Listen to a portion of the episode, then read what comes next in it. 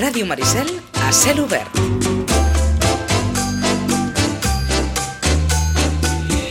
Perquè els éssers humans i els mosquits mai no hem tingut bona relació. El que no ens pensàvem és que els animals domèstics i els mosquits doncs, no es pensin que tinguin tampoc massa bona relació. Eduardo, buenos días. Buenos días, buenos días. Uh, uh, no pensábamos que la leishmaniosis podía ser tan grave. Es muy grave. Es muy grave. Es muy grave, sobre todo porque afecta a muchos órganos, casi cualquier órgano interno es susceptible de padecer esta, esta infección, de, de, verse afectado, y bueno, porque también afecta a nivel, a nivel de la piel. Uh -huh. Esto es una infección. Es una parasitosis. Es, es un, una parasitosis. Es un parásito que se transmite a través del mosquito, un parásito unicelular eh, que, bueno, se compone de una, una única célula, microscópico, no se ve a, a simple vista y que en, en, los mamíferos, en los perros sobre todo, eh, afecta a las células del sistema inmunitario, bueno, algunas células del sistema inmunitario, uh -huh. de ahí la gravedad de, de, esta, de esta enfermedad. De acuerdo, siempre te lo preguntamos desde la ignorancia, ¿es igual la raza, es igual la edad, es igual el sexo? Eh, suele ser igual, aunque bueno, hay algunos estudios que, que dicen que los boxers y los pastores alemanes tienen mayor, bueno, son más susceptibles a padecerla. Igual en animales de menos de 3 años y animales por encima de los 8 o 10 años, pero realmente es, in, es, indiferente. Hemos tenido casos en los que se afectan hembras, machos, animales de todas las razas uh -huh. y de todas las edades. Esto no tiene nada que ver con cómo alimentamos al perro ni, ni nada, nada, de esto. Ver, esto simplemente si en la vida se da la circunstancia que el mosquito, que es un mosquito que se llama flebótomo. Eh, eh, aquí en Europa el flebotomus. Flebotomus. En otras partes de, de, de, bueno, del globo terráqueo es otro, otro género. Uh -huh. Pero aquí, en, al menos en, la, en el Mediterráneo, en Europa, es el flebotomus. Que es un mosquito muy pequeño. Es un mosquito pequeñito y bastante. No, no, poco perceptible, vaya. No es un mosquito como, como los que tenemos más o menos ya como los tipificados. Tigres, que son los que, que son más frecuentes Ajá. y los más molestos, pero es bastante es pequeñito y también bastante molesto. Por tanto, nuestra mascota se puede infectar sin que nosotros seamos absolutamente conscientes de nada. Exactamente, sobre todo porque el pelaje de la mascota, al ser, al tener pelo, tal vez no, no somos conscientes de que le pica. Uh -huh. Por tanto, de entrada, ¿cómo podemos prevenir aquello que no sabemos si va a suceder? Pues haciendo caso a los veterinarios. haciendo caso a los veterinarios. Eh, hay productos, hay productos preventivos, el uso de pipetas, hay varias en el mercado, algunas mejores que otras, con más fama que otras, uh -huh. ya sea por el laboratorio porque tienen mayor publicidad, pipetas, el uso de collares, eh, hay jarabes que se dan durante, durante un año, un mes completo y vacunas. De acuerdo. Es que te iba a preguntar precisamente por esto. ¿Hay vacunas que son obligatorias? Hay vacunas que son obligatorias. La, leishmania, la vacuna contra la leishmania no es obligatoria. No es obligatoria. Es una, es una vacuna optativa. Y vacunas obligatorias, es que, bueno, realmente no hay ninguna obligatoria, salvo la rabia y en según qué comunidades autónomas en España. De acuerdo. Pero contra la leishmania la vacuna no, no, no es obligatoria. De acuerdo. Pero vacunarlo es supongo que es recomendable, ¿no? También tampoco, ¿Es garantía de que no va a contraer? No, no. no es garantía. La vacuna suele tener un 73% de efectividad, entonces el porcentaje restante, la mascota aún así sigue siendo susceptible.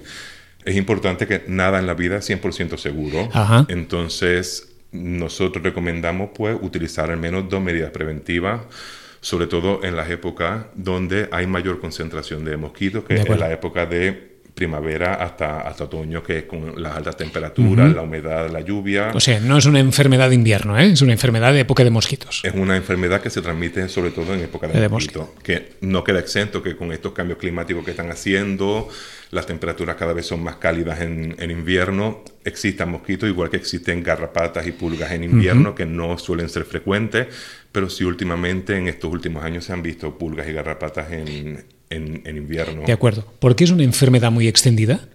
Es una enfermedad bastante extendida, sobre todo aquí en el Mediterráneo. Eh, se, dice, se, dice, que es endémica porque hay una alta po- eh, población de perros que la padecen. De acuerdo. Y porque hay mucho mosquito que O sea que en algún momento en la vida del perro, probablemente, puede estar eh, susceptible, de, Susceptible. De, haber- de contraerla. De acuerdo. Por tanto, hablamos de medidas preventivas que son vacunas o pipetas o O collares collares que pueden servir. que pueden servir, combinando las dos aumenta la eficacia de esta medida preventiva, pero no hay, no hay una eficacia del 100%. De acuerdo. ¿Cómo sabemos si nuestro perro ha contraído la leishmaniasis? Hay que tener claro que es una enfermedad que sus, los síntomas son muy inespecíficos. Eh, tal vez el síntoma más que nos hace indicar que tiene leishmania es el, el crecimiento excesivo de las uñas. Eso es un, se dice que es patognomónico de la enfermedad, significa que únicamente la presenta esa enfermedad, que es el crecimiento exagerado de, la- de las uñas. También hay mascotas que no les crecen las uñas, que son positivos a la leishmania, que no les crece tanto las uñas. De. Pero los síntomas son muy inespecíficos. Eso quiere Pero, decir pero que este sería uno de los síntomas más evidentes. es uno de los síntomas más evidentes. Pero todos los síntomas pueden ocurrir en cualquier enfermedad. ¿Vale? Sobre todo porque lo que comenté al principio es una enfermedad que se manifiesta o a través de la piel o a través de órganos internos. Entonces, según donde afecte directamente el, el parásito, pues desarrolla unos síntomas. Por ejemplo, en la piel puede haber una dermatitis, que se le cae el pelo, que se rasca mucho, unas ulceritas que la gente puede confundir con, pues mira, tiene alguna heridita que no se cura y resulta que es leishmania. De acuerdo. O un perrito que va adelgazando progresivamente, también puede ser el leishmania. Entonces, es una enfermedad que hay que incluir en todos los diagnósticos. Am, adelgazar, que no quiere decir no comer. no comer. Es decir, puede comer y a su vez adelgazar. adel- Ir adelgazando. Claro, eso se puede confundir pues con un estado de, de nutrición que no significa que no está comiendo, sino que el cuerpo no está asimilando todo el nutriente. De acuerdo. Entonces empieza a adelgazar. También se puede manifestar pues con enfermedades renales. Bebe más agua, orina más. Eh, también se puede manifestar a nivel de los ojos, que se empiezan a tener un poquito de ceguera, uveitis, inflamaciones, conjuntivitis. Es una enfermedad que los síntomas son tan inespecíficos que no hay nada que nos diga tiene leishmania. De acuerdo. ¿Se puede dar más de un síntoma a la vez? Se puede dar más de un síntoma a la vez, que es lo bastante frecuente y, bueno, es uno de los motivos por el que la- los propietarios acuden al veterinario. De acuerdo, es que te lo preguntaba porque si antes de ir al veterinario o cuando recibís a un perro neoveterinario, hace ya, yo qué sé, un mes, dos meses que ese perro puede haber contraído La leishmania. la leishmania y que el propietario no haya podido saber exactamente qué pasaba hasta que esto se ha desarrollado demasiado. Claro, cuando los propietarios acuden al veterinario porque la mascota está manifestando un síntoma, nosotros hacemos un listado de problemas, pues según, pues tiene vómito, diarrea, orina más, tiene úlceras en la piel, entonces a, a- a partir de esos signos clínicos, de esos síntomas, empezamos a hacer un- una lista de diagnósticos diferenciales, que son las diferentes enfermedades que podrían causar esa, esa patología, y entre una de ellas está la leishmania. Siempre, casi siempre se incluye en todos los diagnósticos. acuerdo. Por eso, entonces, a partir de ahí es que empezamos a hacer las pruebas. Entonces, normalmente solemos ir de las enfermedades más frecuentes, que son pues las más básicas, las más obvias que podrían, que podrían ser, hasta pues llegar a- al diagnóstico de la leishmania. También es un procedimiento que puede ser un poquito costoso porque hasta llegar a ese diagnóstico pueden haber tantos. puede haber tantas cosas que hay que hacer una que otra prueba para descartar o, o confirmar y claro, eso genera un, un gasto, pero normalmente se llega. Entiendo, Eduardo, que el perro debe estar más apático también. Sí, sí, apa- se cansan. Con todo este cuadro, vaya, supongo sí, que- Apatía, letargia, hiporexia y, o anorexia. Algunos están normales porque no se manifiesta solamente a través de la piel y están, y están normales, pero bueno, existe. De acuerdo. ¿Esto cómo se resuelve? El, el- el tratamiento es bastante engorroso. ¿Sí? Sí, eh, eh, suele ser bastante largo, pero, pero existe O sea que los tratamiento. propietarios tienen que Tienen tomar ser paciencia y Eh, conciencia. Sí, mucha conciencia de que el proceso de, de tratamiento es engorroso, es largo, requiere un control exhaustivo cada, cada X, X meses, hay que comprobar sobre todo lo- los riñones, porque es una enfermedad que, bueno, se diagnostica, hay test, test rápido, Sí. ¿vale? que ya más o menos en unos 10-15 minutos nos dan un positivo, pero una vez nos dan unos positivos, ese test no nos dice cuánto está infectado. De acuerdo. La carga de anticuerpos. Eh, contra es decir, parásito. el grado de infección. El grado de infestación, exacto. Una vez el test da positivo, pues hay que mandar una sangre al laboratorio que nos va a cuantificar exactamente cuántos anticuerpos hay, dan positivos a Leishmania y hay una otra prueba que se llama proteinograma, que, bueno, las proteínas que están aumentadas o disminuidas. En función de esos resultados del laboratorio, que hay que mandar a- fuera, Sí. pues hacemos un tratamiento u otro. Si la carga es poca, pues posiblemente con pastillita, pero si la carga es un poquito más alta, pues ya empezamos con pastillitas y con inyecciones. Entonces, un mínimo de seis meses Seis meses. de tratamiento. Es decir, esto no se cura como una gripe. No se cura como una gripe. Es un tratamiento largo, costoso, porque bueno, las inyecciones tienen un, tienen un costo, los medicamentos también tienen otro costo. También dependiendo de la facilidad o de la disponibilidad del propietario, se utiliza una inyección o un jarabe que pues también es, costoso. Y bueno, controles porque obviamente son medicamentos fuertes, es, una, es un parásito que afecta o que es bastante frecuente que afecte también a los riñones Ajá. y la medicación encima también puede afectar a los riñones. De acuerdo. Entonces hay que o hacer sea, un control. Un, un perro puede morir por esto. Un perro puede morir por leishmania y mueren por leishmania. Y mueren. Y mueren por leishmania. Y bueno, a partir de cada cierto tiempo, una vez empezado el tratamiento, pues hacer los controles pues rutinarios. Otra vez sacar un poquito de sangre para ver cuánto ha mejorado o empeorado. Sí. Controlar que eh, los valores renales, creatinina, urea, que los riñones estén funcionando bien para eventualmente decidir si continuamos con el tratamiento, si cambiarlo a uno que afecte menos, aunque sea un poquito más largo, o dar uno un poquito más agresivo. Porque el perro puede quedar completamente curado también. O siempre hay, Siempre está por ahí. siempre está por ahí. Sí, es un... Esta es una frase muy es que- gráfica. es que Siempre está por ahí. se, se esconde, es un parásito que se puede esconder. Es decir, la, la curación completa no existe. Se suele, suele, suele volver otra vez. No es como la parvovirus, el, parvovi- el parvovirus canino que una vez se contrae, pues, eh, pues queda exento de volver a padecer parvovirus. El- la leishmania puede estar ahí y como no hay, un, no hay nada curativo. Eh, 100%, Es decir, no hay una curación completa. No, no estoy hablando de, de un, un perro puede- que la contrae, se cura, le vuelve a picar otra vez otro mosquito. Ahí hay secuelas. Y Hay secuelas. Hay secuelas. Entonces, según el órgano afectado, pues, mejores o peores. O sea que el secreto está, por un lado, la prevención, y por otra, no sé si decir, tener ese ojo o este sexto sentido para poder ver si, si está pasando algo en, en el perro. En el perro, o sea, hay que tener un poquito de, de picardía, de sentido común, de no dejarse ir mucho. Cuanto más tiempo nos dejemos ir, pues más, más avanza sí, sí. El, el para- el parásito. No dejarse ir quiere decir que si el perro lleva dos o tres días Apático, rascándose mucho, apático, tal, no no. esperar a, ver, a ver si se le pasa, ¿Sí? que suele ocurrir, a bueno, ir directamente al veterinario para buscar, buscar esa, esa causa. Esa apatía puede ser desde que se empachó, que se siente mal, que tiene calor, hasta la leishmania. Pues esto es.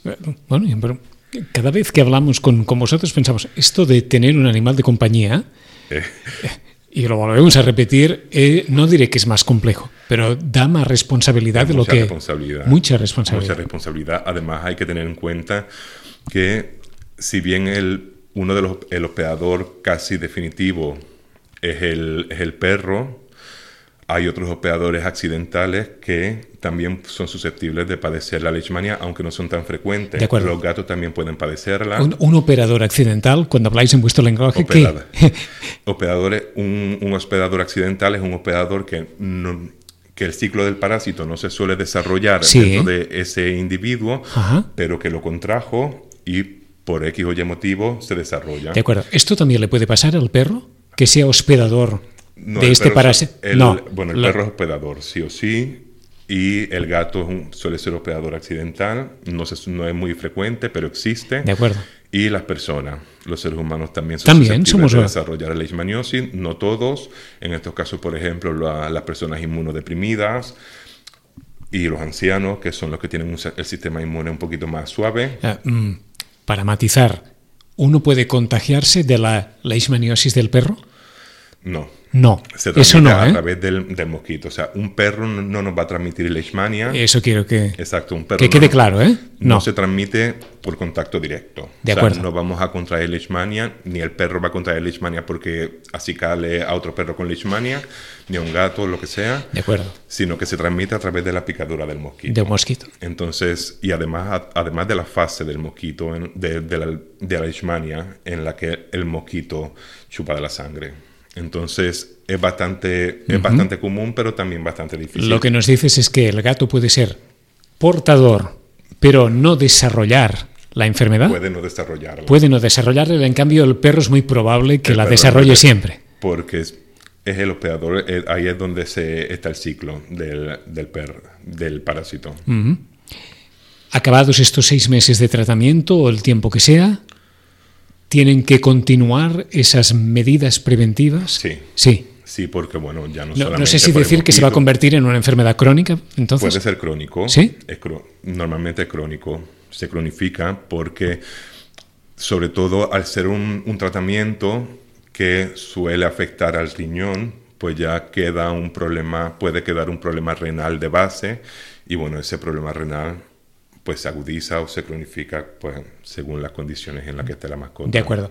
¿Esto tiene que ver con el estado de salud de- del perro o la, no sé si decir que sean razas más, más fuertes? ¿Hay perros que aguantan más? La, Es como todo. es como todo. Es como todo. Hay animales que son un poquito más resistentes porque tienen una nutrición excelente, un sistema inmunitario ex- excelente que es capaz de hacer frente, pero no siempre lo consigue. Y perros carenciales que están un poquito más debiluchos, que la nutrición no es la adecuada, son más susceptibles. De acuerdo, lo digo por si a veces pasa como en las personas, ¿eh? Como hay personas que lo cogen todo, por decirlo de algún modo, y hay personas que, que vaya, difícilmente cogen ni una gripe ni un resfriado. Esto también Puede, es... puede ocurrir. Puede ocurrir. Puede ocurrir, sobre todo también se da mucho en animales pequeños que los propietarios dicen es que no sale de casa, pero el que no sale de casa no, No quiere decir el que no. no entre dentro de casa. De acuerdo. Una cuestión final, Eduardo. Por tanto, desde, casi diría que desde el primer momento en que tenemos un perro en casa, tendríamos ya que tomar estas Tomar medidas medida preventivas. preventiva y bueno, de- dejarse asesorar por el, por el veterinario, entender que lo, lo que repetimos siempre, prevenir es mejor que curar, que curar y sale más barato. Gastarse un dinerito mensual en una pipeta o en un collar puede suponer el ahorro de un montón de Montón de dinero, dinero. en pruebas diagnósticas, en controles, en medicamentos. Y bueno, obviamente la mascota que la queremos y, y por eso la tenemos. De acuerdo. ¿Hay, hay alguna otra enfermedad que pueda preocupar tanto como la leishmaniosis en este sentido? Todas las, Todas, las pero te lo digo en enfermedades. el, en el sentido de esta, de- desde un primer momento ya. Eh, en los cachorros, por ejemplo, hacemos mucho hincapié en, en la correcta vacunación. Sobre todo son susceptibles al parvovirus y al moquillo canino, que son enfermedades potencialmente mortales y que las personas no están conscientes de la gravedad. Entonces adquieren un cachorrito, le ponen una única dosis de vacuna, lo sacan a la calle y luego se contagian con parvovirus y o con moquillo canino. Y bueno, semanas de hospitalización Y- que pueden, desen- pueden, Pueden acabar a- mal. a la muerte de, de la mascota y no lo entienden.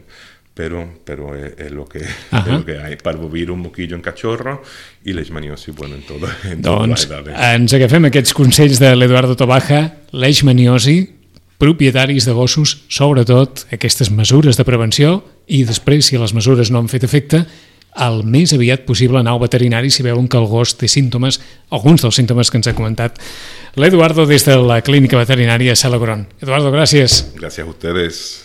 la la la la